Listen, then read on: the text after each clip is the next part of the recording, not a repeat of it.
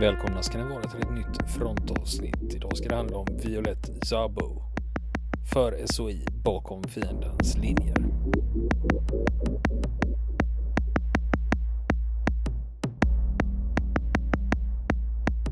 Välkomna ska ni vara.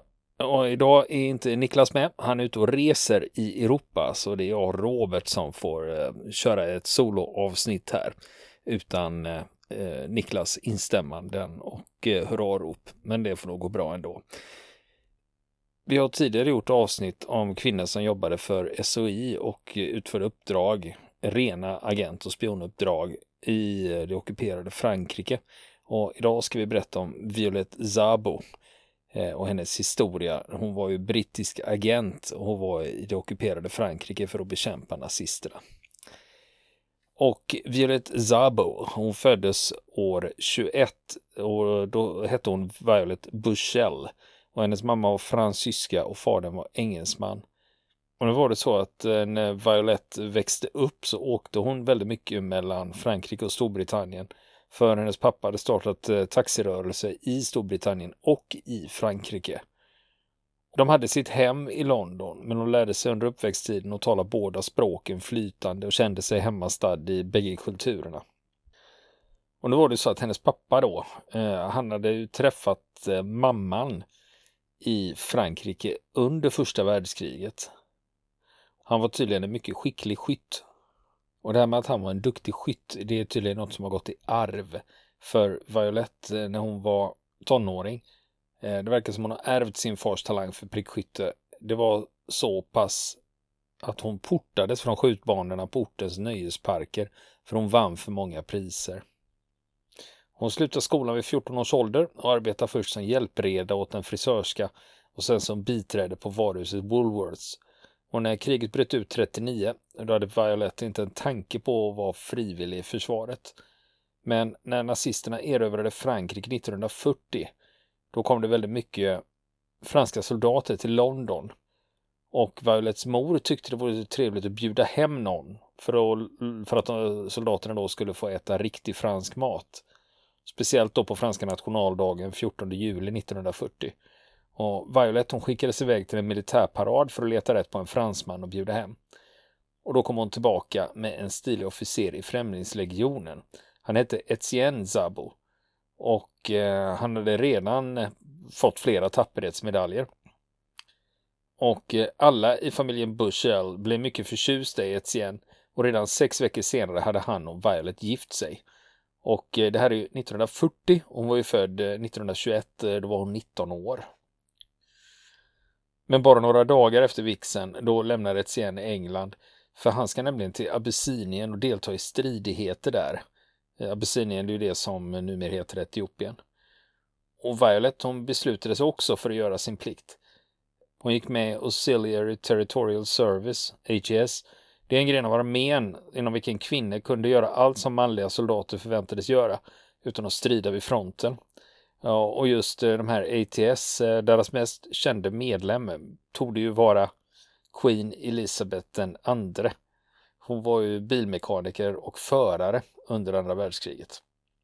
Och Violet hon placerades vid ett luftvärnsbatteri där hon genast blev omtyckt och Etienne, fransmannen där, hennes franska man, han kom hem på snabbpermission något år senare i oktober 41. Och vid den tiden så blev Violet med barn och måste lämna HES. Och dottern Tanja föddes i juni 1942. Etienne han fick nyheten om att han hade blivit far till en dotter och att allt hade gått bra och det, det skedde medan han stred mot tyska armén i Nordafrika. Men eh, det var en ganska intensiv period av stridigheter i Nordafrika så han kunde inte beviljas någon permission. Men tyvärr så stupade han i slaget vid El Alamein fyra månader senare. Och när Violet fick reda på att Etienne hade stupat, då tändes det ett våldsamt hämndbegär hos henne. En kort tid efteråt fick hon helt oväntat ett officiellt armébrev från en Mr Potter och han bad henne komma till ett hotell i centrala London. Violet hade utan att hon ännu visste om det blivit kontaktad av Special Operations Executive. Och SOI hade ju bildats med uppgift att organisera motståndet mot nazisterna i de ockuperade länderna. De luftlandsatte agenter och på en överenskommen mötesplats togs de emot av motståndsrörelsen. Och fabriker, järnvägsstationer och militära baser sprängdes i luften. Soldater åkte ut för bakhåll, samarbetsmän mördades. Överallt det var möjligt så hetsade de också civilbefolkningen mot ockupanterna. Och de uppgifterna som krigsmakten hade om Violet eh, det framgick att hon var till hälften fransyska och att hon talade flytande engelska och franska. Och det var det som gjorde att de var intresserade av henne som eventuell agent. Hon följer instruktionerna i brevet och kommer till ett hotell. Och där visades Violet in i ett kalt rum. Där fanns bara två stolar och ett bord. Och han som kallar sig Mr Potter slog sig ner mitt emot henne. Han hette egentligen Major Selwyn Jepson och han var rekryteringsofficer för SOI. I samtalet med henne så talade han mest franska och förklarade att han sökte efter folk som var beredda att utföra farliga uppdrag i Frankrike. Violet grep efter tillfället med sån iver att Jepson genast blev tveksam. För en hemlig agent var impulsivitet ingen tillgång. Han bad henne att komma igen om en vecka så att de fick diskutera saker närmare. Och när de träffades på nytt då, då skönmålade inte Jepson vad det var som väntade. Han sa att risken var en på fyra att hon blir dödad. Men Violet, hon lät sig inte avskräckas av det. Men hon ställde detaljerade frågor om sin armépension och vilket ekonomiskt stöd hennes dotter kunde räkna med om hon skulle stupa. Och efter det mötet då minskade Jepsons tvivel om hennes lämplighet. Han förstod att hennes hängivenhet var äkta och bottnade i en önskan att hämnas sin mans död.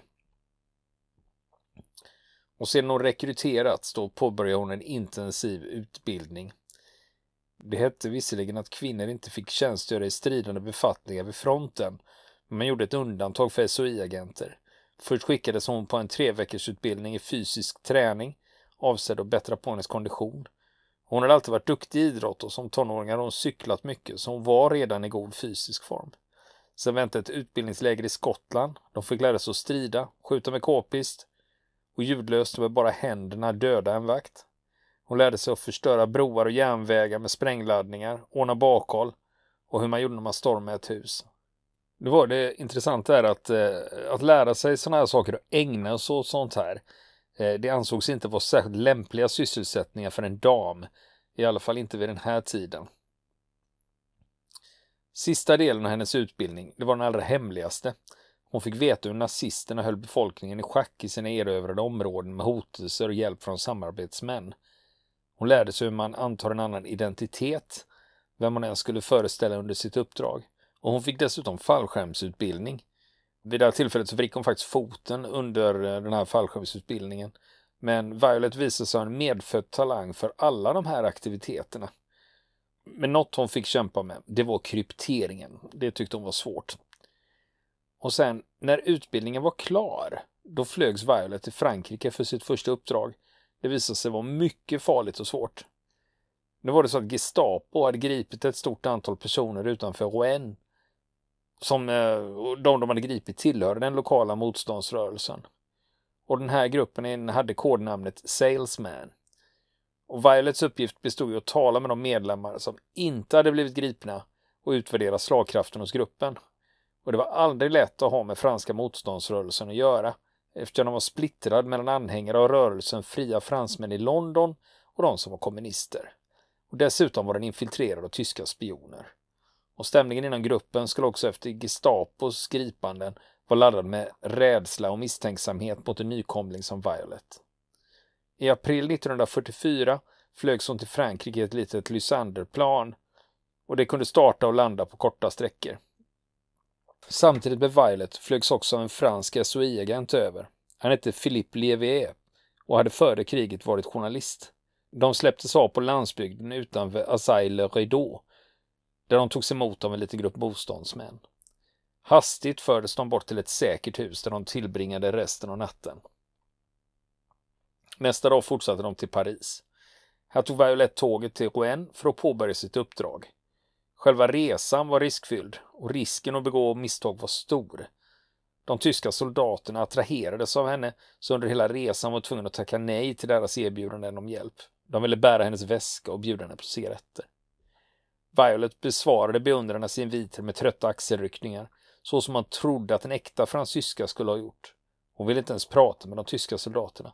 Trots att hon talade flytande, oklanderlig franska så gjorde hon det med en jättesvag, svag brittisk brytning.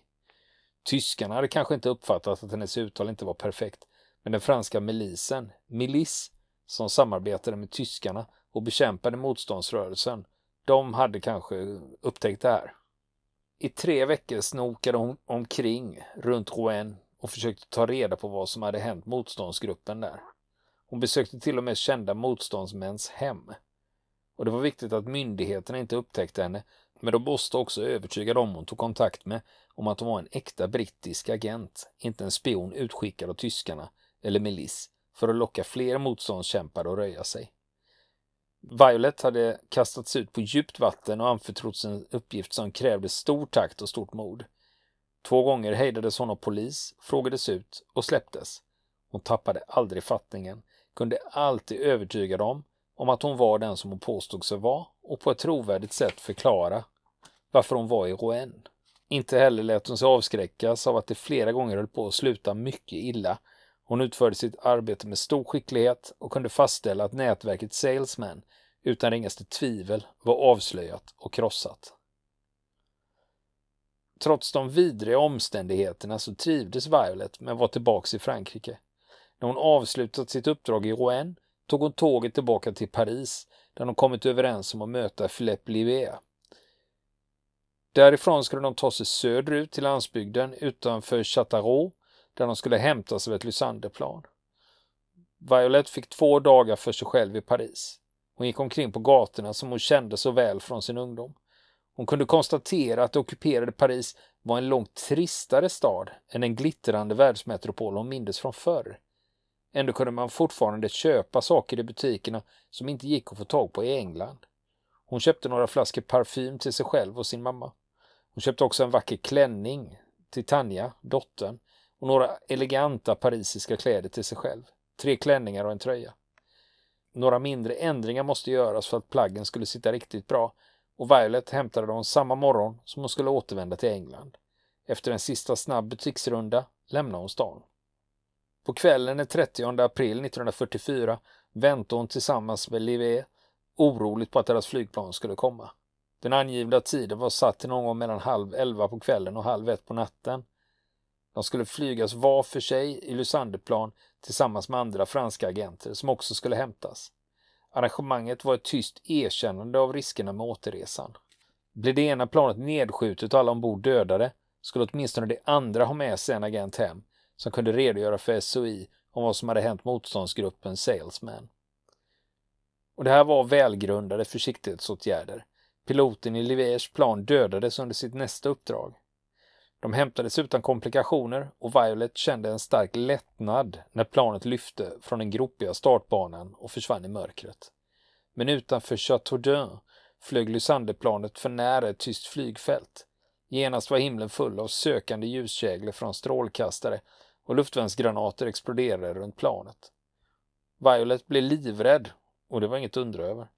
Lysanderplanet kunde kanske lyfta och landa på en femöring men det var långsamt och klumpigt och det var ett lätt byte både för luftvärn och nattjakt. Piloten girade, dök och gjorde alla möjliga undanmanövrar för att komma bort från strålkastarljusen. Och i kabinen det kastades Violet hit och dit. Men turen var på deras sida och medan planet flög vidare blev granatexplosionerna glesare och mer avlägsna. Nya missöden väntade när de kom fram till RAF-fältet vid Thamesford. Över Chateaudun hade planet klarat sig undan med en så knapp nöd att gummit på ett av landningshjulen trasats sönder. Landningen höll på att bli en katastrof. Violet var så förvirrad att hon trodde att de hade kraschlandat i Frankrike. När piloten kom för att hjälpa henne ur planet misstog hon honom för en tysk som kom för att gripa henne. Hon utsatte honom för en arg och osammanhängande utskällning på franska. Men hon förstod att de var tillbaka i England, slog hon armarna om piloten och gav honom en kyss. Det hade nu blivit sen vår och det var snart dags för D-dagen. Och då var också idén att den franska motståndsrörelsen skulle bistå genom att slå till bakom tyskarnas linjer. Före och under invasionen luftlandsattes medlemmar av SOI med fallskärm i Frankrike för att organisera sådana aktioner och en av dem var Violet. Invasionen startade i gryningen 6 juni. Kvällen därpå gick Violet tillsammans med Philippe Livet och två andra franska agenter ombord på ett amerikanskt bombplan. Det var en B-24 Liberator. De klev på vid Thamesford. All oro och rädsla de kan ha känt inför fallskärmshoppet och uppdraget höll de inom sig. Besättningen minns att de fyra agenterna under flygningen fördrev tiden med att spela kort och innan Violet hoppade vinglade hon osäkert runt i det krängande planet för att kyssa alla besättningsmedlemmarna. När B-24 flög in över området de skulle hoppa och de motståndsmännen gått med på att möta dem tändes eldar på marken för att meddela piloten att de väntade. Med en blinkning åt sina medagenter hoppade Violet strax efter halv två på natten. Hon kom ner oskadd och precis inom målområdet, utanför byn Susac och det är nära staden Limoges. Och just Susac, eh, var det ligger någonstans, jag sa att det ligger nära Limoges. Det är alltså en bra bit eh, söderut i Frankrike. Det är höjd med Lyon ungefär, så det är alltså inte alls nära Normandie. Man kan säga att det ligger mellan La Rochelle och Lyon. Så det är mitt i Frankrike. Förnödenheter till motståndsrörelsen och agenternas personliga tillhörigheter släpptes ner i separata paket och samlades eh, skyndsamt in och stuvades in i väntande bilar. Alla fyra agenterna kördes till en speceributik i Susac där de fick ett mål mat och en säng för natten. Violet kände sig helt slutkörd. Hon hade varit uppe nästan hela natten och samtidigt mycket lättad.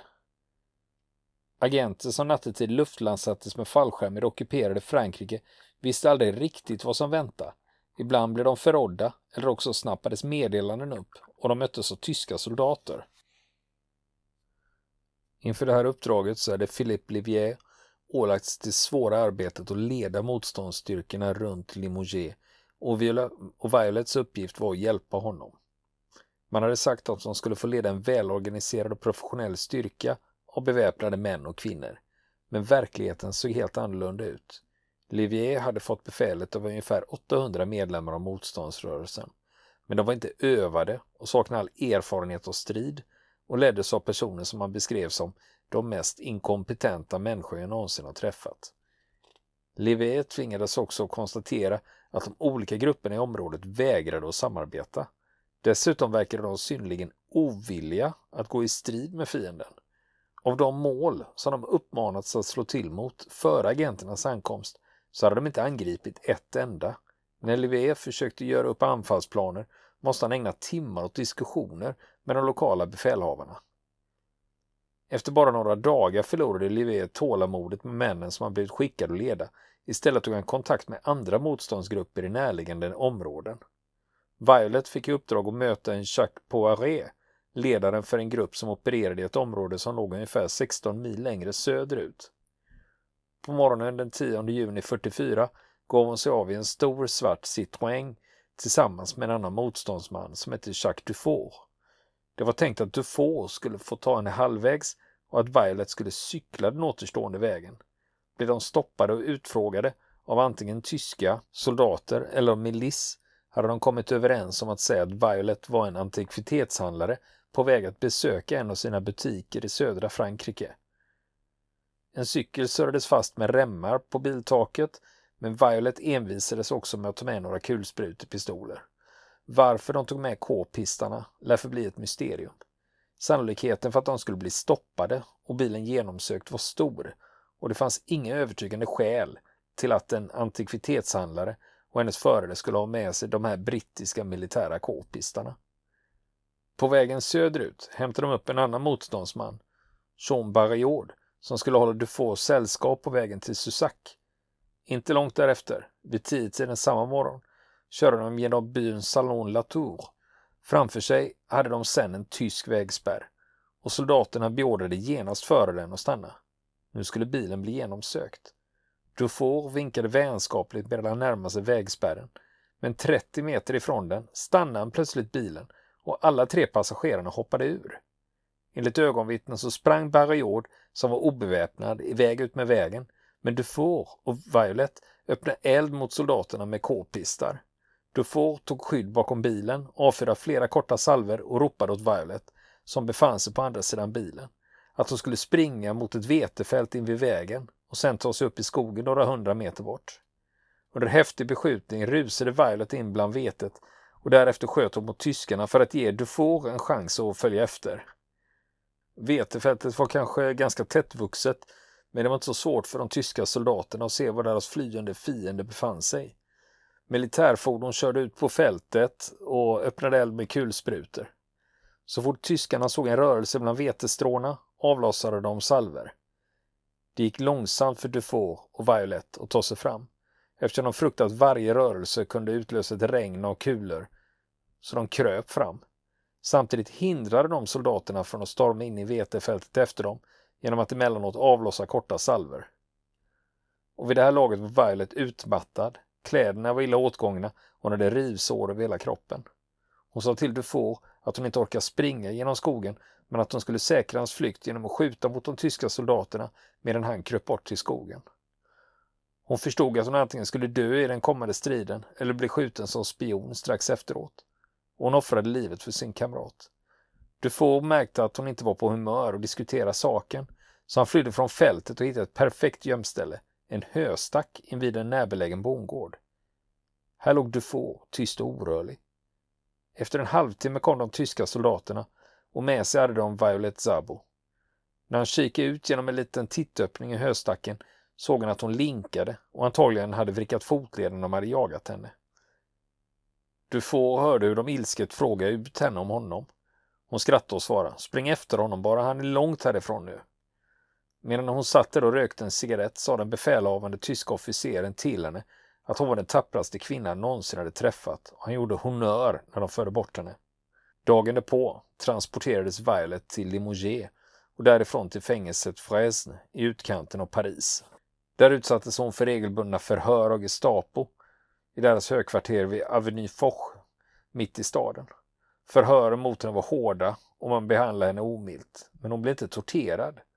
Märkligt nog brukade Gestapo inte tortera brittiska agenter, men var skoningslösa mot de franska. I början av augusti 44 drog Gestapo slutsatsen att de inte kunde få ur Violet Zabo något användbart.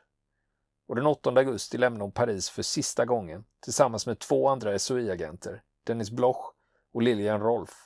Destinationen var Ravensbrück, det ökända koncentrationslägret för kvinnor i norra Tyskland. De tre SOE-kvinnorna kördes till järnvägsstationen Gare de l'Est i Paris, där de fördes samman med flera andra tillfångatagna brittiska agenter och togs ombord på ett tåg som var strängt bevakat. Männen föstes in i en särskild arrestvagn medan kvinnorna kedjades samman, placerades i vanliga vagnar och övervakades av beväpnade vakter. Tåget gick mot den tyska gränsen, men rörde sig så långsamt att de följande eftermiddag fortfarande var kvar i Frankrike. Strax efter klockan två på eftermiddagen anfölls tåget av allierade plan. Många ombord flydde så snart anfallet inleddes, även de tyska vakterna, men fångarna lämnades kvar fastkedjade vid varandra eller inlåsta i sina vagnar. Medan kulorna visslade kring deras huvuden och bomber exploderade i närheten kröp Violet och en annan kvinna genom tågets korridor med vatten till männen i arrestvagnen eftersom de inte hade fått något att dricka på flera timmar. När flygplanen flög bort kom vakterna tillbaka och resan fortsatte.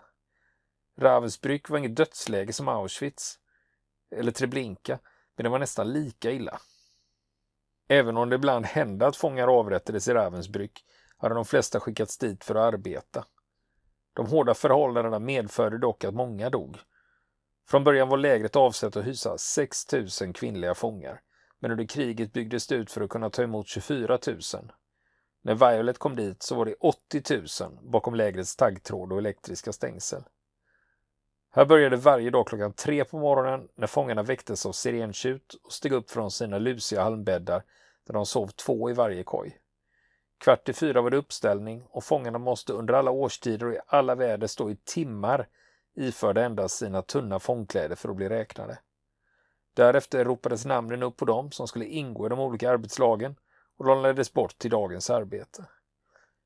Då Violet kommit fram till Ravensbrück hade hon blivit ynkligt mager, men psykiskt var hon långt ifrån knäckt. Hon träffade andra tillfångatagna kvinnor som tillhört motståndsrörelsen och började omedelbart göra upp flyktplaner. Men det dröjde inte länge förrän Violet och de andra 500 kvinnorna förflyttades till ett annat läger, Torgau, som låg vid floden Elbe. Där sattes de arbete i en ammunitionsfabrik. Också här planerade hon att fly och hon kom så långt att hon lyckades skaffa sig nyckel till en av lägrets portar. Det här fick en kvinna som Violet inte kände så väl veta. Det var en kvinna som de andra fångarna inte litar på, så Violet kastade bort nyckeln innan hon ertappades med att ha den på sig. Förhållandena i Torgau var mycket bättre än i Ravensbrück, men några av kvinnorna protesterade mot att arbeta i en vapenfabrik och framställa granater och kulor åt nazisterna. De arbetsvägrade. Det var modigt, men samtidigt ett meningslöst ställningstagande. Fritz Syren, Ravensbrücks lägerkommendant, tillkallades för att ta itu med myteriet. Hälften av kvinnorna skickades till en annan fabrik och hälften, bland dem Violet, skickades till ett läger vid Königsberg, alltså det som heter Kaliningrad idag. Här sattes de och arbetade på fälten och i skogen medan hösten övergick i vinter. De fällde träd och rensade bort vegetation från den stelfrusna marken. Inte nog med att de tvingades gå klädda i de tunna sommarkläderna de hade kommit i. Violet hade en blå kortärmad sidenklänning. De fick inte heller tillräckligt med mat, mest soppa gjord på vatten och potatisskal.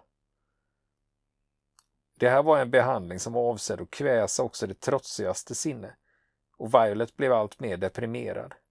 Men också här sökte fångarna tröst i vänskapsförhållanden. När Violet kom tillbaka från fälten, frusen in i märgen och djupt förtvivlad, brukade en av hennes vänner i lägret, Marie Lecomte, värma henne med kramar och ge henne mat som hon hade sparat av sin egen ynkliga portion. Mitt i vintern vägrades kvinnorna som extra bestraffning bränsle till sin kamin i baracken.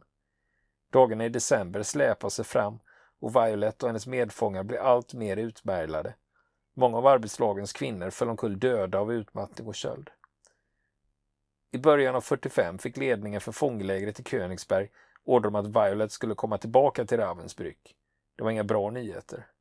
När Violet fick veta det gick hon genast till sin vän Marie och grät i hennes famn. Violet var säker på att hon skulle bli dödad och skrev ner sin familjs adress på ett papper. Och det här pappret gav hon till sin vän Marie.